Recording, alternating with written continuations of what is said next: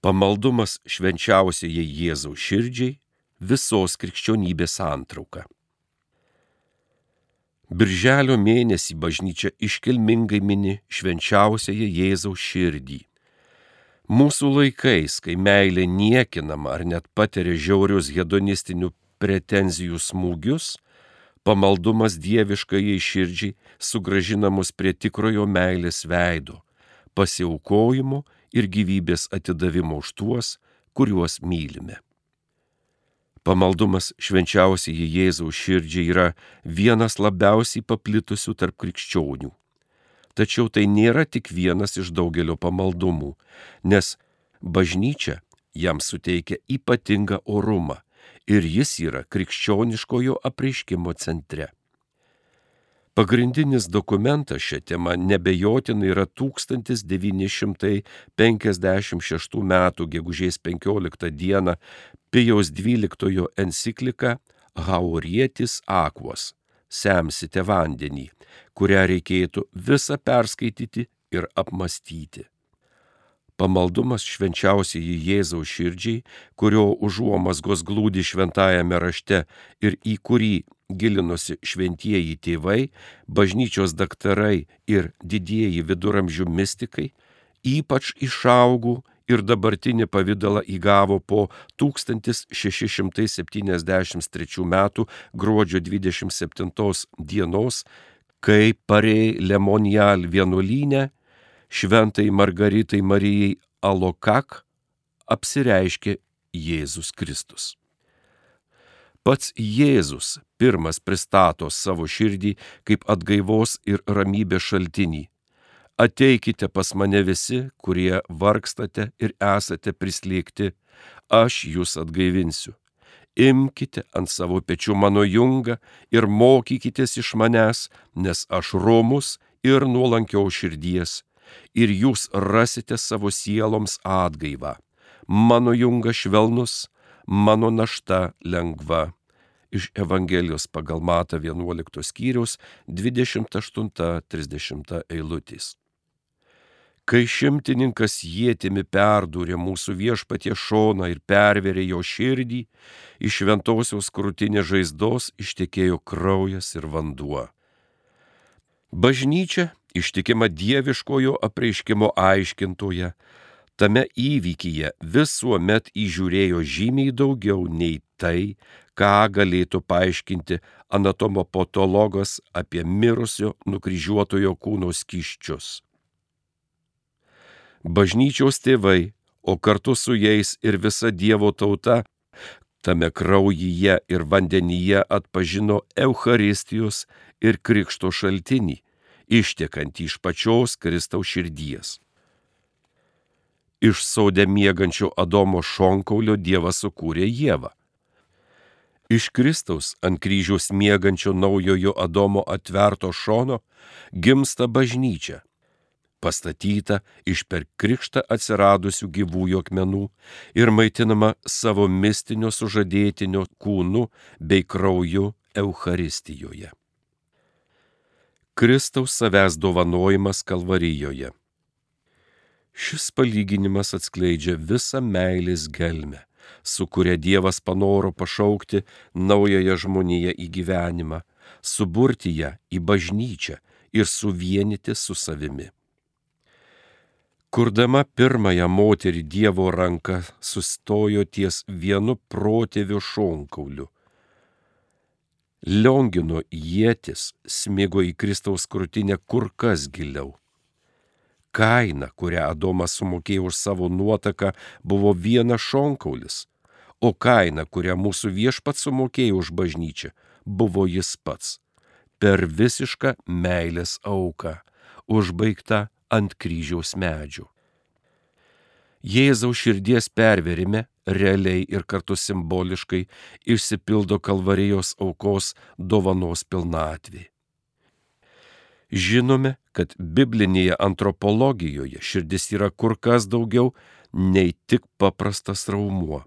Ji pats žmogaus centras, sielos suprantamos kaip protas ir valia buveinė, o siela kaip gyvybinė energija yra kraujyje. Taigi širdies atverimas yra didžiausias smurtas, kurį Jėzus patyrė intimiausiame savo centre. Ir būtent dėl to tai yra begalinės pasiaukojančios meilės pasireiškimas. Tai kūno ir meilės tikrovė, o kartu ir realus galingas simbolis, kuris per įsikūnijusio žodžio kūną atskleidžia ir įgyvendina Dievo meilę žmonijai. Šis sužeista širdis visada traukė kontemplatyvių mistikų žvilgsnį nuo pat tos baisios valandos kryžiaus papėdėje, kai švenčiausioji mergelė ir šventas Jonas, mylimasis mokinys, regėjo smingančius ir atsitraukiančius romėnų ašmenis ir iš Jėzaus šono trykštančius kraują bei vandenį, kaip kad iš uolos dykumoje Mozės laikais bažnyčios tėvai nuolat kreipė savo proto akis į tą širdį. Didieji viduramžių teologai taip pat buvo nemažiau jam jautrūs. Todėl galima pagristai teikti, jog pamaldumas švenčiausiojai Jėzaus širdžiai yra toks pat senas kaip ir krikščionybė, tai yra bažnyčios paveldas nuo seniausių laikų. Gyventi Jėzaus širdies meilę.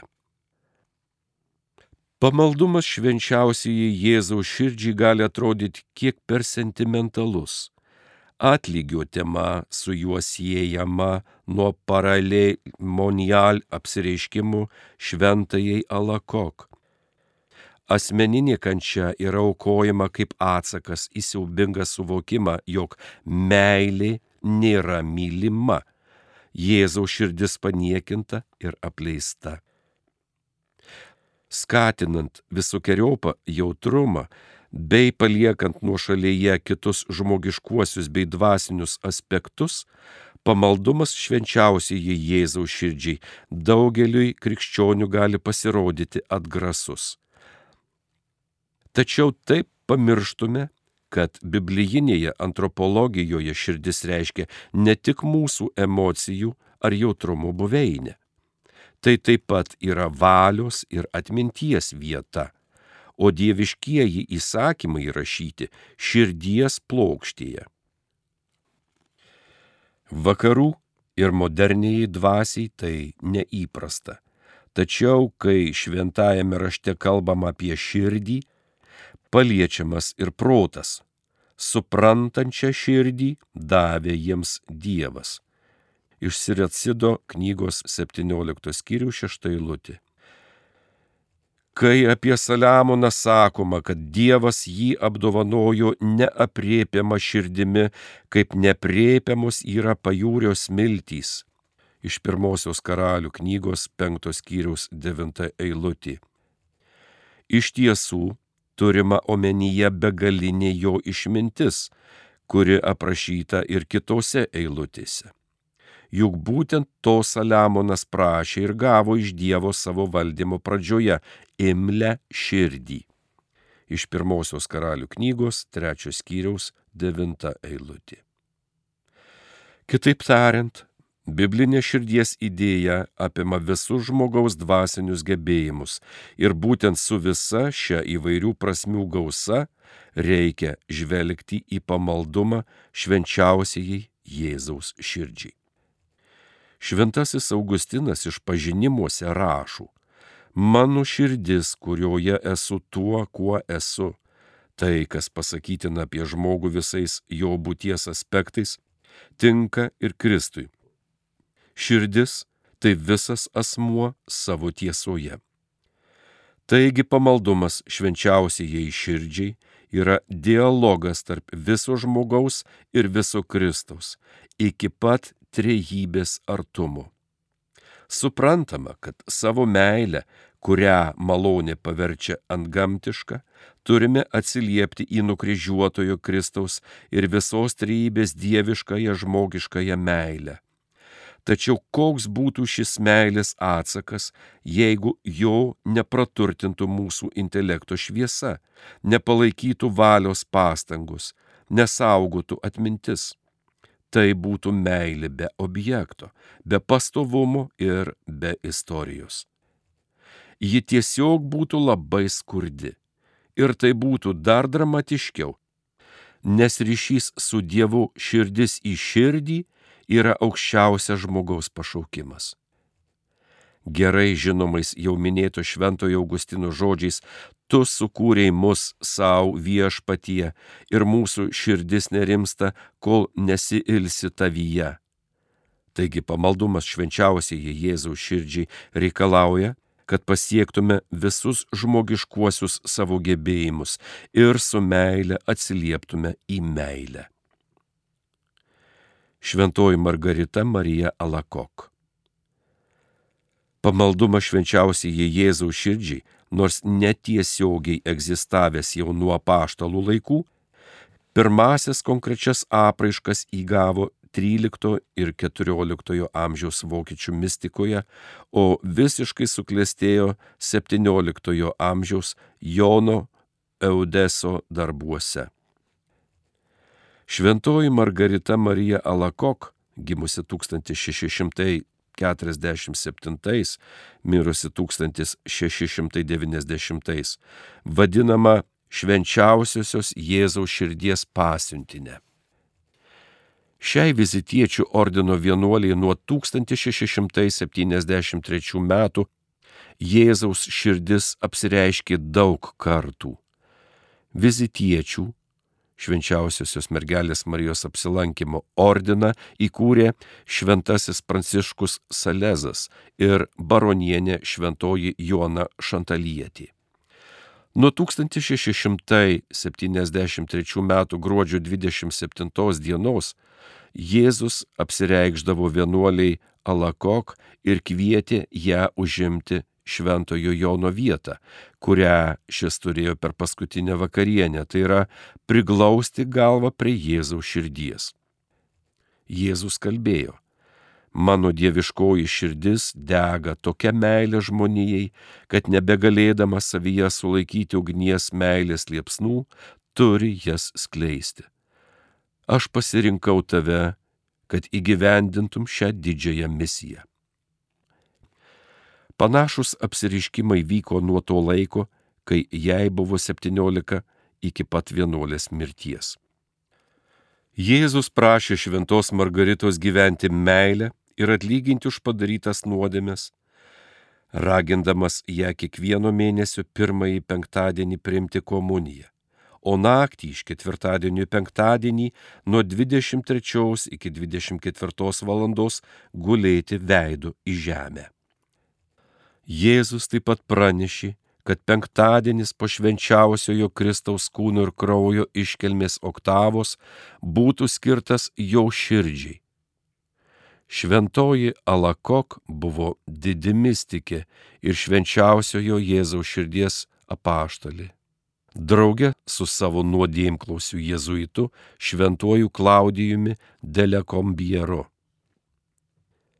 Pirmieji mėnesio penktadienį garsiuosiuose parei Le Monial apsireiškimuose viešpats prašė šventosios, kad jo širdies pažinimas ir meilė kaip dieviškoji liepsna sklistų po pasaulį ir iš naujo įžiebtų daugelio širdyse gestančią meilę. Kaip jau minėta, kartą viešpats rodydamas Margaritai savo širdį ir sielodamasis dėl žmonių nedėkingumo, kaip atsitaisimo paprašė jos eiti komunijos, ypač pirmąjį kiekvieno mėnesio penktadienį. Meilės ir atgailos dvasia - tokia šios kasmėnesinės komunijos esmė.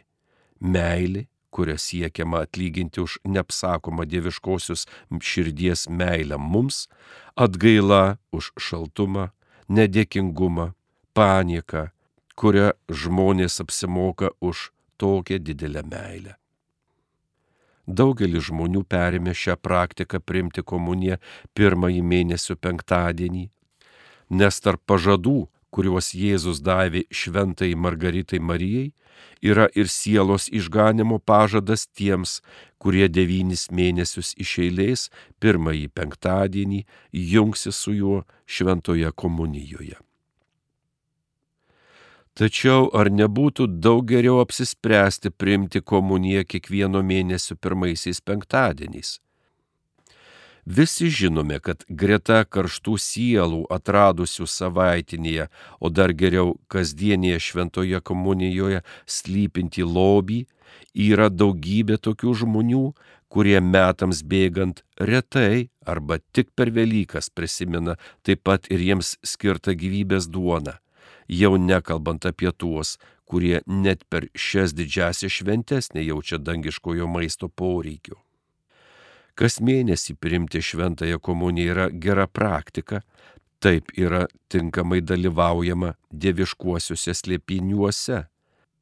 Sielos iš to gaunama nauda ir malonumas gali švelniai paskatinti dažnesnius susitikimus su dieviškuoju mokytoju, o galbūt net perėjimą prie kasdienės komunijos, kaip kad to karščiausiai trokšta viešpats ir bažnyčia.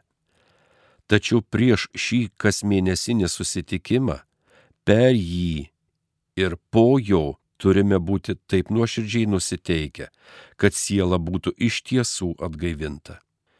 Patikimiausias ženklas, kad ši praktika duoda vaisių, bus mūsų elgesio gerėjimas, tai yra vis didesnis mūsų širdies panašumas į Jėzaus širdį, ištikimai ir su meilė laikantis dešimties Dievo įsakymų. Kas valgo mano kūną ir geria mano kraują, tas turi amžiną į gyvenimą. Iš Evangelijos pagal Joną 6 skyrius 54 eilutė. Jėzuitai ir jensenistai. Pirmosios dvi švenčiausiosios Jėzaus širdies pagerbimo iškilmiais, dalyvaujant mystikiai šventai Margaritai Marijai, įvyko Parei Lemonial novicijate 1685 m. Liepos 20 d. ir dar po metų Birželio 21 d. Iškilmėse dalyvavo visa seserų vizitiečių bendruomenė. Šis judėjimas nenutrūko nepaisant jam kilusio priešiškumo, kuris ypač sustiprėjo XVIII amžiuje dėl šio kulto objekto. Jėzuitai pamaldumą švenčiausiai Jėzaus širdžiai nešė į visus katalikiškus kraštus. Taip pat jie atkakliai priešinosi jensenistų erezijai. Kova su jensenizmu ir pamaldumą švenčiausiai Jėzaus širdžiai glaudžiai persipinę XVIII amžiuje Prancūzijos bažnyčios istorijoje, kai jensenistų nepasitikėjimas kūnu susidūrė su paplitusiu švenčiausiosios širdies garbinimu. Jensenistai pamaldumą Jėzaus širdžiai vadino stabmeldyste. Su Jenseno sekėjais daugiausia diskutavo ir į jų kaltinimus atsakė jezuitai, taip stiprindami ir teologiškai aiškindami mūsų viešpaties kūniškosios širdies kultą. 1765 m. vasario 6 d. popiežius Klemensas XIII leido Lenkijai ir Romos švenčiausiosios širdies arkibrolyjei švęsti švenčiausiosios Jėzaus širdies iškilmę popiežius Pijus VI bulyje Auktoriam Fidei patvirtino 1765 m. šventų apieigų kongregacijos išsakytą mintį, kad garbinama širdis yra neatskiriamai sujungta su žodžiu asmeniu. Jėzuitų pamokslai apie švenčiausiosios širdies kultą Prancūzijoje, ypač kaimo vietovėse, paliko gilų pėtsaką. Pakanka prisiminti, jog Vandėjos sukilėliai priešindamisi revoliucijos siaubui savo vėliavą pasirinko šventąją Jėzaus širdį ir jai pašventi savo kovą. Prieš revoliucijos neopagonybę Vandėja iškėlė švenčiausiąją Jėzaus širdį. Įveikęs jensenistų pasipriešinimą, apaštalų sosto pripažintas ir palaikomas, pamaldumas švenčiausiai Jėzaus širdžiai triumfavo XIX amžiuje, suklėstėjus daugybei Jėzaus širdžiai skirtų religinių kongregacijų. Popiežių mokymas. Dabartiniai pamaldumo švenčiausiai Jėzaus širdžiai kontūrai susiformuoja per bažnyčios gyvenimo, dvasinės patirties, privačių apreiškimų, teologinio mąstymų bei magisteriumo pasisakymų šimtmečius. 1856 metais valdant palaimintajam popiežiui Pijui XI, švenčiausiosios Jėzaus širdies šventį tapo visuotinė visoje bažnyčioje. XIX amžiuje taip pat atsirado individualaus ar bendruomeninio pašventinimo švenčiausiai širdžiai reiškinys.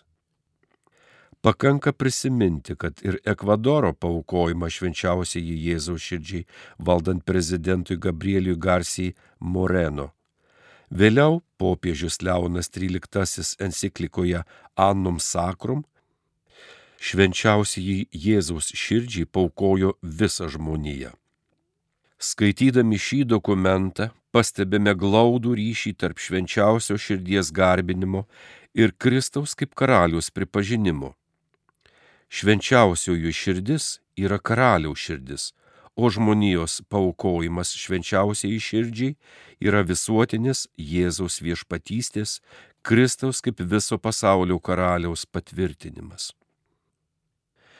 Popiežius Pijus XI enciklikoje Miserentissimus Redemptor apie pamaldumą švenčiausiai Jėzaus širdžiai teigia.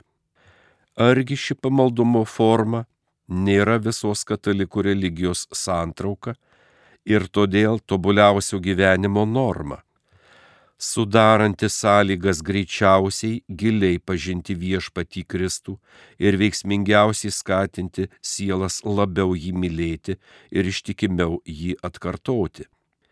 Toks teiginys atrodo ko neperdėtas, hiperbolizuotas, tačiau taip nėra nes iš tikrųjų švenčiausioje širdyje glūdi visa geroji naujiena. Todėl pamaldumas švenčiausiai širdžiai iš tiesų yra visos krikščionybės santrauka. Toje žmogiškoje ir dieviškoje dėl mūsų pervertoje širdyje yra visas Kristaus asmuo, jo meilės auka, Dievo gailestingumas mums. Šioje enciklikoje, kurią dabartinis popiežius Pranciškus neseniai nurodė dvasininkams kaip naudingą skaitinį, didysis popiežius Pijus XII moko. Taigi nebejotina, kad Jėzus Kristus turėjo tikrą žmogišką kūną, apdovanotą visais jam būdingais jausmais, tarp kurių pirmenybė be abejo tenka meiliai. Taip pat yra tiesa, kad jis turėjo kūnišką širdį, visais atžvilgiais panašią į mūsų.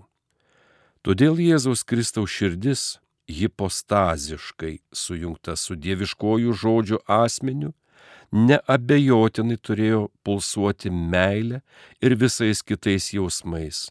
Tačiau šie jausmai taip atitiko ir dėrėjo su žmogiškąja valia, kupina dieviškosios meilės ir su ta begalinė meilė, kurią sūnus dalysi su tėvu ir šventaja dvasia, kad tarp šių trijų meilių niekada nekilo jokių prieštaravimų ar nesuderinamumų.